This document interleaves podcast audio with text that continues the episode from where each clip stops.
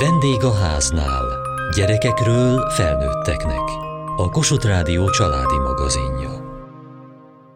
Apa kérdések rovatunkban hónapról hónapra azon gondolkodunk, vajon a gyermek életkorától függően milyen típusú apai jelenlétre van leginkább szükség.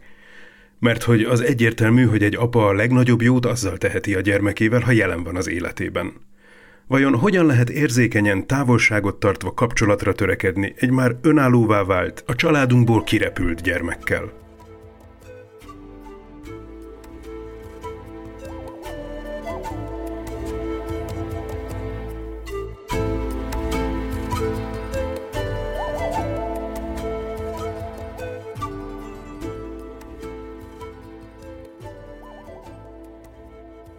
Eljutottunk abba az életszakaszba, amikor már nem feltétlenül élünk együtt a gyermekeinkkel.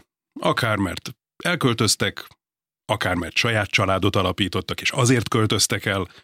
Ilyenkor mit jelent apának lenni? Megszűnök apának lenni, vagy vannak feladataim? Azt gondolom, hogy soha nem szűnünk meg apának lenni, amíg a gyerekeink is mi élünk, sőt, még azután sem. Tóth András, pár és családterapeuta, lelkigondozó, kilenc gyermekes édesapa, hat unokás nagypapa. Egyértelmű a válasz, megváltoznak a határok, a közelség, távolság egyértelműen. Az a gyerekek, akik még otthon vannak, és azok, akik már elköltöztek, és ott is különbséget tennék, tényleg ahogy mondtad is, hogy más viszonyulás azokkal, akik már saját családot alapítottak, és más azokkal, akik még nem alapítottak. Azt mondanám, ez egy köztes állapot egy kicsit, mert ők még fél lábbal itt vannak, fél lábbal kint vannak már a saját életükbe. De egyre inkább az önállóság vagy a saját lábra állása a cél, amiben szerintem apaként azért jelentős szerepünk van. Mi a szerepünk ebben? Rugdossuk őket, vagy bátorítsuk őket, vagy bíztassuk, vagy hogy kell ezt jól csinálni? Kicsit mindegyik, csak nem mindegy mikor. Tehát van, amikor arra van szükség, hogy, hogy bátorítsuk, alapvetően prioritása van annak, hogy érezzék, hogy saját döntéseket hoznak. Tehát most azokról beszélünk, akik még nem önálló családban vannak, de fiatal felnőttek és már nem otthon laknak. Folyamatosan meg kell, hogy érezzék azt, hogy a döntéseikért felelősek. Döntéseket hoznak, és ezért vállalni kell a felelősséget. De ebben fontos a biztatás, amikor valamiben sikert élnek el, vagy jól haladnak előre, nagyon fontos, hogy ezt visszajelezzük nekik, és hogyha valami nem sikerül, akkor meg melléjük álljunk. Nem dorgálással, meg nem kioktatással, szerintem ez nagyon fontos. Nem direkt mondatokkal. Én azt tapasztalom, hogy a, most négy gyerekem házas már, kettő van ebben az állapotban, hogy nem házasok, de már önálló lábra kezdenek állni, és azt tapasztalom, hogy sokkal jobban hat az, ha én azt elmondom, hogy én ezt hogy éltem meg annak idején, én mit tennék ebben a helyzetben, esetleg az, hogy mit javaslok, de te döntesz. Szerintem ez egy fontos különböztetés, hogy a döntés és a döntésért való felelősség az övék. És erre egyre jobban rá kell, hogy szokjanak. És van, amikor még az van, hogy gyerekek lesznek még, és szeretnék azt, hogy egy kicsit helyettük döntsünk. Ha azt mondtad, hogy rugdosás, akkor talán itt lehet az, hogy, hogy a bátorításnál egy kicsit lehet több, hogy megerősíteni őket, hogy meg tudod csinálni, próbáld meg, nézd meg a lehetőségeket, többféle dolog van, gondold át, én ezt tenném, ezt javasolnám, ne hagyd el magad, de olyan melléálló módon. Tehát, hogy érezniük kell azt, hogy én már nem, nem irányítani akarom őket szülőként, de ott vagyok, és támaszkodhat rám. Adott esetben segítséget is kérhet. Volt olyan, amikor a egyik fiam egyik életszakaszában már kirepült, de eléggé elkeseredett, maga alatt volt. Hát ilyenkor megerősödik az a fajta apaszerep, mintha még a felelősséggel való apaszerep. Tehát, hogy igen, ő még egy gyerek is egy kicsit. Mint ahogy mindannyian gyerekek is maradunk, nagyapakorban is. Olyankor talán lehet egy-két olyan apai mondatot mondani, amikor megérzi azt, hogy egy gyerek, aki biztonságban lehet az apja mellett, vagy a szülei mellett, de nem szabad túltolni. Én is azt gondolom, hogy apák maradunk életünk végéig, de viszont azt gondolom, hogy ez a szerep nagyon meg tud változni az évek során. Van, ami ugyanolyan, és valami nagyon megváltozik. Koncandrás, öt gyermekes édesapa, három unokás nagypapa. Feleségemmel szülőként valószínűleg eléggé szabadon hagyó szülők voltunk. Nem az a típus, aki azt szereti, hogy a gyereke ott üljön a szoknyáján, és végig a kezét fogja. Ugyanezt a stílust visszük tovább most is. Viszont szerintem én ez alatt a 30 év alatt, míg gyerekeim vannak, rengeteget változtam. Maga ez is már megváltoztatja azt, hogy milyen apa vagyok.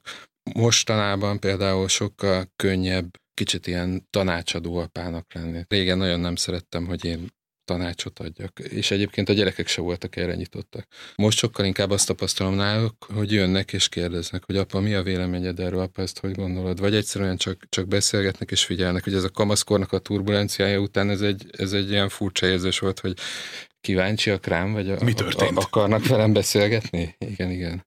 És az apa szerep valamennyiben szűkült, tehát a felelősség az attól, hogy nagykorúak lettek a gyerekeink, egyszerűen máshogy van rajtunk. De például bővül is mondjuk egy, egy új személynek a családba érkezésével, mert ezt lehet, hogy apósnak kell hívni, de azért végül is az is valami fajta apa szerep, szóval tulajdonképpen a gyerekeim száma bővült valahogy. Hányan vannak otthon, hányan mentek el? Hát nálunk nagyon-nagyon vegyes a, a helyzet. Van egy, egy lányom, a legnagyobb, aki férnél van, és akinek két gyereke van, és van egy lányom, akinek van egy gyereke, de ő egyedül él. Elvált. Van olyan fiam, aki a barátnőjével a vidéken, mindenféle Otthon már senki nincs? Otthon van két legkisebb fiam.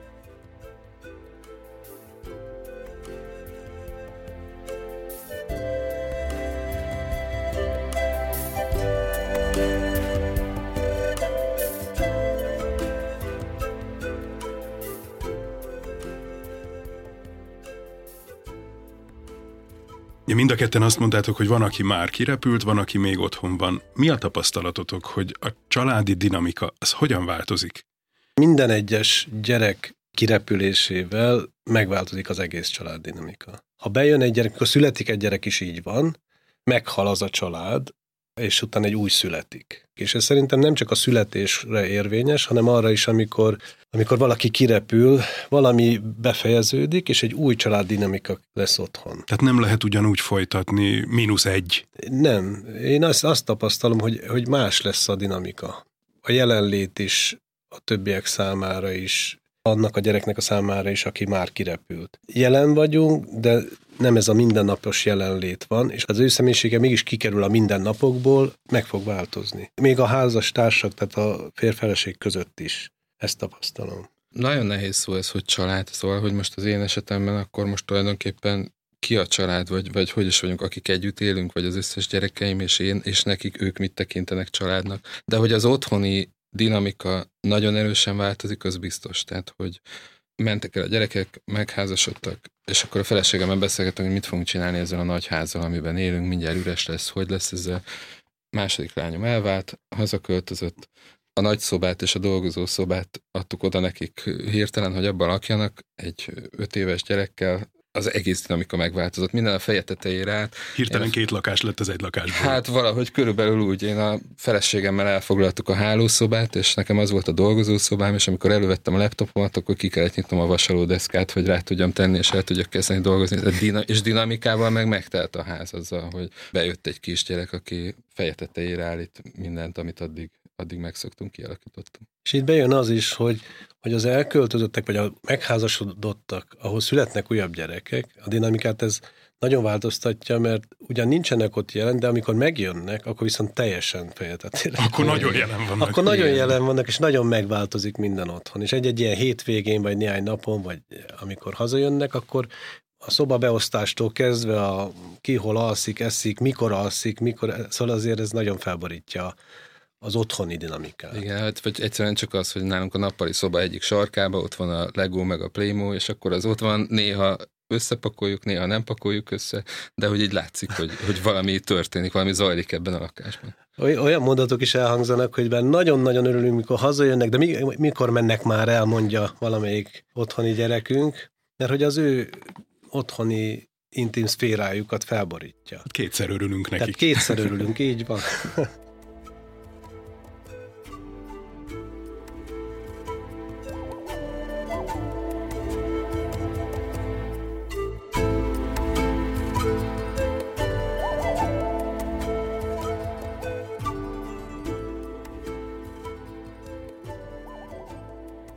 azt érzékeltétek-e, hogy bennetek milyen érzések munkálkodtak akkor, amikor egyik-másik gyerek bejelentette, hogy ő akkor költözne? Nem tudom, ez pontosan hogy történt, nagy bejelentés volt, vagy csak így alakult, de inkább a veszteség volt domináns bennetek, vagy már épp ideje volt, hogy elköltözzön.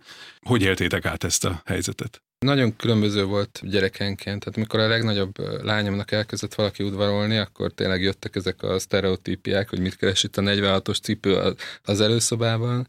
De én arra emlékszem, hogy az egy nagyon meghatározó pillanat volt a lányommal való kapcsolatomban, amikor így érzékeltem, hogy ez a kapcsolat komolyra fordul, várhatóan lesz belőle valami, és akkor egyszer elmentünk kirándulni a lányommal ketten, és mondtam neki, hogy én most először és utoljára szeretném neked elmondani, hogy mit gondolok a párodról. És ezt soha többet nem fogom fölhozni, de mégis fontosnak érzem azt, hogy, hogy lássad, hogy én, én milyennek látom őt, hogy mit gondolok arról, hogy mi lesz nektek nehéz az életetekben, nem, hát életem egyik legnehezebb beszélgetése volt, de azt gondolom, hogy nagyon fontos beszélgetés volt. Alapvetően mérleget tudtál vonni, Igen, hogy ez hát, az, amit jónak látok, ezt meg nehéznek, persze, veszélynek látom. Azt, azt gondolom, hogy el tudtam mondani mind, mind a két oldalát, és hát mint ahogy, ahogy bármelyikünkkel is van emberekkel, hát vannak olyan dolgok, amikkel könnyű együtt élnünk egy másik emberrel, van, amivel nehéz. Számított az, hogy mennyire fogadó kész a lányod erre? Vagy te mindenképpen el akartad mondani? Volt bennem egy ilyen szándék, de hát nyilván azért próbáltam ebben a beszélgetésben arra figyelni, hogy, hogy az ő határait azért, azért érzékeljem, hogy mennyit tud ebből befogadni, hogyan. Nehéz volt, de fontos élmény volt, és, és jó élmény. Ezt a beszélgetést nem tudjuk elkerülni. Mindegyik gyerekünk, aki párt választott, Előbb-utóbb eljön az, amikor azt gondolom kötelességünk, vagy felelősségünk elmondani azt, hogy mit gondolunk, és ebben tényleg a jót is, meg esetleg azt is, ami veszély vagy nehéz lehet. Én a saját eredeti családomban találkoztam azzal, hogy az egyik testvérem miután elvált, személyre vetette a szülőknek, testvéreknek az, hogy miért nem szóltatok, miért nem jeleztetek. Holott azért jeleztünk, de nem is akarta meg. Na mindegy, szóval egyik szülői felelősségünk az, hogy elmondjuk mielőtt a végső döntést meghozzák azt, hogy mit gondolunk erről, tehát ebbe a pozitív is benne kell, hogy legyen. Később ne legyen az a mondata, hogy hát miért nem szóltál apa. De nehezen fogadják, mert azért szerelemben vannak, és a párválasztás időszakában is tök normális, hogy nem áll, hogy a apám mondja meg, vagy az anyám, hogy most jó vagy nem jó, és ez tök rendben van. Volt olyan, aki ezért megharagudott rám. Ez az, amit nem szeretek megtenni, hogy kimondani egy-két nehéz dolgot, ami veszélyes, vagy nem értek esetleg egyet, úgy kimondani, hogy érezze azt, hogy ő dönt, és hogy én mellette állok, és hogy nem elutasítom se őt, se a párját, hanem segíteni szeretnék talán az én tapasztalatommal. Amikor én megházasodtam, az én szüleim egyértelműen azt mondták, hogy ne vegyem el azt a nőt, akit elvettem. Most 30 valány éves házasok leszünk, de mostani fejjel értem meg, milyen mondták, de ezt most jól értsétek. Tehát, hogy nem feltétlenül azt akarták talán mondani, hogy semmiképpen ne őt, hanem hogy mik a, ennek a nehézség egy veszély. És akkor azokat a nehézségeket, amelyeket ők akkor láttak, azokra időközben nyilván te is rájöttél, vagy ti is rájöttetek? Így van, így van. Azzal együtt, hogy nagyon nehéz ez, hogy hogy mondják. Tehát, hogy, hogy ahogy mondták, arra mi bezárultunk. És, és szeretném én apaként úgy elmondani, hogy ne vezáruljanak. Nagyon nehéz, mert egyik esetben azt mondják, köszönöm, hogy elmondtad, másik esetben pedig lehet, hogy ideig azért mosolyszünet van egy ilyen után. Egy-egy ilyen mély beszélgetés fontos, de napi szinten nem szabad. Igen, András is azt mondta, hogy elmentetek kirándulni, igen, tehát hogy ez egy ilyen kiemelt pillanat igen, volt igen. a kettőtök. Meg, meg ezt most elmondom, és nem fogom ezt többet felhánytorgatni, vagy az orrodra koppintani, hogy na ugye megmondtam, vagy nem tudom, látod, hogy milyen igazam volt. Vagy Igen, és itt van egy fontos határ, azt gondolom, az, hogy amikor a döntést véglegesen meghozta, tehát mondjuk megházasodik, onnantól kezdve már én úgy gondolom, hogy nem. Onnantól kezdve már nem mondhatom azt, hogy ilyen meg olyan, vagy ezt nem jó csata. De nem szabad egy megosztást behozni a kapcsolatukba, döntött, azt el kell fogadjam, hogy ez döntött. És azzal együtt én kaptam egy újabb családtagot, mint apa.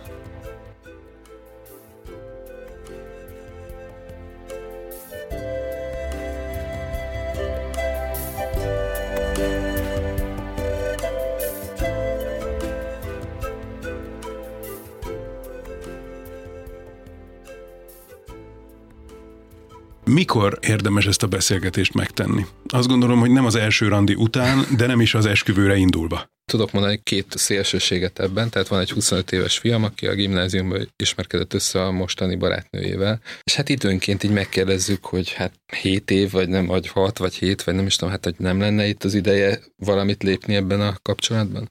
A másik változat, tehát második lányom volt az, aki mindig feszegette a határokat, ő az, akinek így nem is sikerült a házassága, de hogy, hogy 20 éves volt, amikor nálunk úgy van, hogy egy házban lakunk, amiben van egy külön bejáratú részű, akkor ott lakott, és akkor jött egyik este, és mondta, hogy apa, akkor a Lala ide költözik, jó? Ki az a Lala? Szóval, hogy ebben a, a mennyi, a 46-os mennyire... cipőjét se láttad addig. Nem, nem, nem. Ebben nagyon, nagyon nagy különbségek vannak, hogy ki mennyire tempósan lép be egy kapcsolatba. Vagy... De én az előbb úgy fogalmaztam visszatérve a kérdésedre, hogy én akkor találom ezt a beszélgetést jól időzítetnek, amikor így kiderül, hogy hogy lesz ebből valami, vagy így formálódik az, hogy ez most nem csak egy együttjárás, hanem van hosszú távú jövője. És most az eljegyzés jutott eszembe, mint hát egy ilyen pont, ilyesmi, amikor végül igen. is úgy döntenek, hogy igen, ez most már ráfordultunk a célegyenesre. Igen, meg amit az András mondtál magadról, tehát hogy ez a neveddel, azért ez egy nagyon erős mondás, szóval nálunk azért nem így volt, hanem hogy inkább egy ilyen, elmondtam a gondolataimat arról, hogy mi lesz nehéz, mi lesz könnyű, vagy hogy hogy látom ezt a kapcsolatot. Most, hogy ebbe belegondolok, hogy apukám azt mondta volna nekem, mielőtt százasodunk, hogy ez vagy az, hogy mégsem, vagy ő nem ajánlja, hát... Ha nagyon egyértelmű mondatokat mondok, akkor az akár dacot is szülhet. Abszolút. Nyilván dacot is szült bennem is, de hogy ez nem azt jelenti, hogy ettől most 55 évesen azt mondom, hogy beigazolódott, tehát nem ezt akarom ezzel mondani, hanem értem, hogy mit akartak mondani. Most már értem. Sok mindenre sokkal hamarabb lehetett volna jobban figyelni, vagy megelőzni, vagy, vagy dolgozni rajta. Szakemberként is azt mondom, hogy, hogy folyamatosan dolgoznunk kell a kapcsolaton is, de a gyerekeinkkel való kapcsolaton is. Amikor az első fiam megházasodott, és utána már mikor a, a negyedik gyerekünk az lányként férhez ment, a között már nagy különbség van. Velük való tapasztalat is beépül. Az első, az mindig egy a legnehezebb, amikor az első gyerek kirepül és megházasodik, akkor nagyon szeretnénk őt nagyon bebiztosítani, támogatni, hogy nagyon jó legyen, és ilyenkor követünk el hibákat. Tehát van olyan mondat, amit nem, nem kell elhangoznia. Például nem csak hat unokánk van, hanem kettőt veszítettünk is korai szakaszban. Orvosilag lehet azt mondani, hogy ez még ilyenkor ilyen 50-50 százalék, de már hamarabb abban a tudatban vannak, hogy szülők lesznek. A legnagyobb jó szándéka próbálunk vigasztalni, vagy mellé állni és segíteni. Nagyon rossz mondatok azok, hogy majd lesz másik, vagy nagyon rossz mondat az, hogy hogy ilyenkor még nem biztos, hogy megmarad. Ezek rossz mondatok, a gyászában kell mellette lennünk. Még ha egy hetes is, akkor is ők már szülőnek érezték magukat, és, és elveszítettek egy gyereket. Például ez egy tanulás volt, hogyan vigasztunk, hogyan állunk mellé. És nagyon érdekes, hogy ilyenkor nem annyira a szakember jön elő, hanem sokkal inkább az apa, és rossz mondatokat is mondunk. Ezek már változtak, tehát ilyeneket sokkal jobban kezelünk szerintem. Már egy második ugyanilyen esetnél teljesen másképp álltam mellé a gyerekemnek.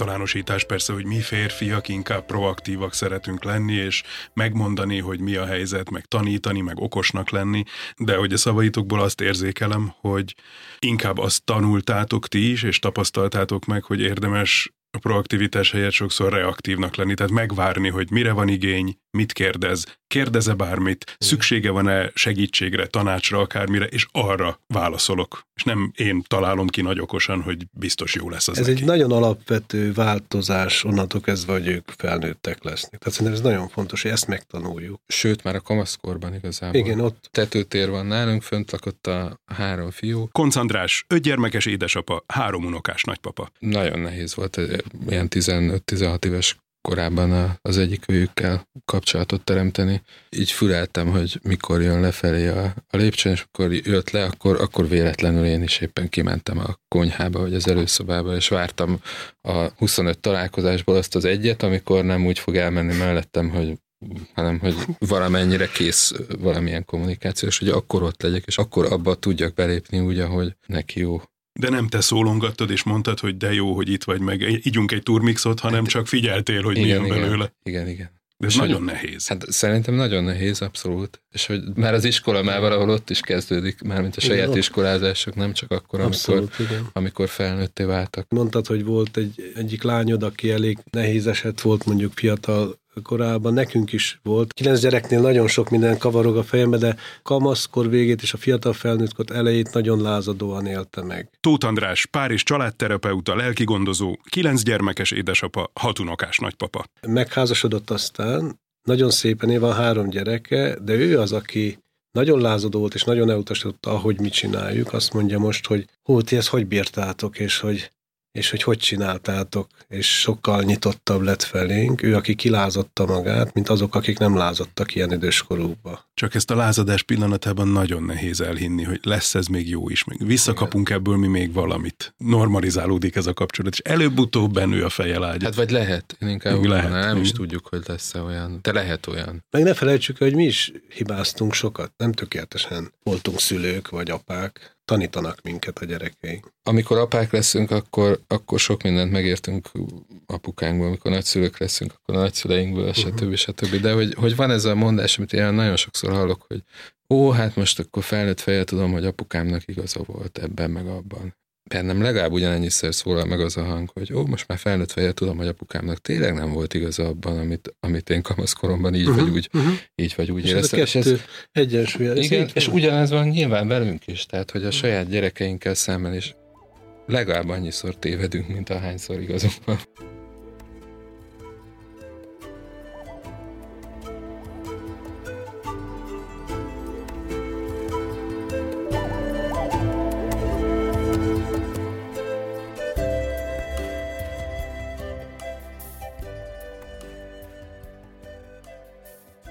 Apa kérdések rovatunkban arról tanakodtunk, milyen apai jelenlétre van szüksége egy felnőtt korú, már kirepülő gyermeknek.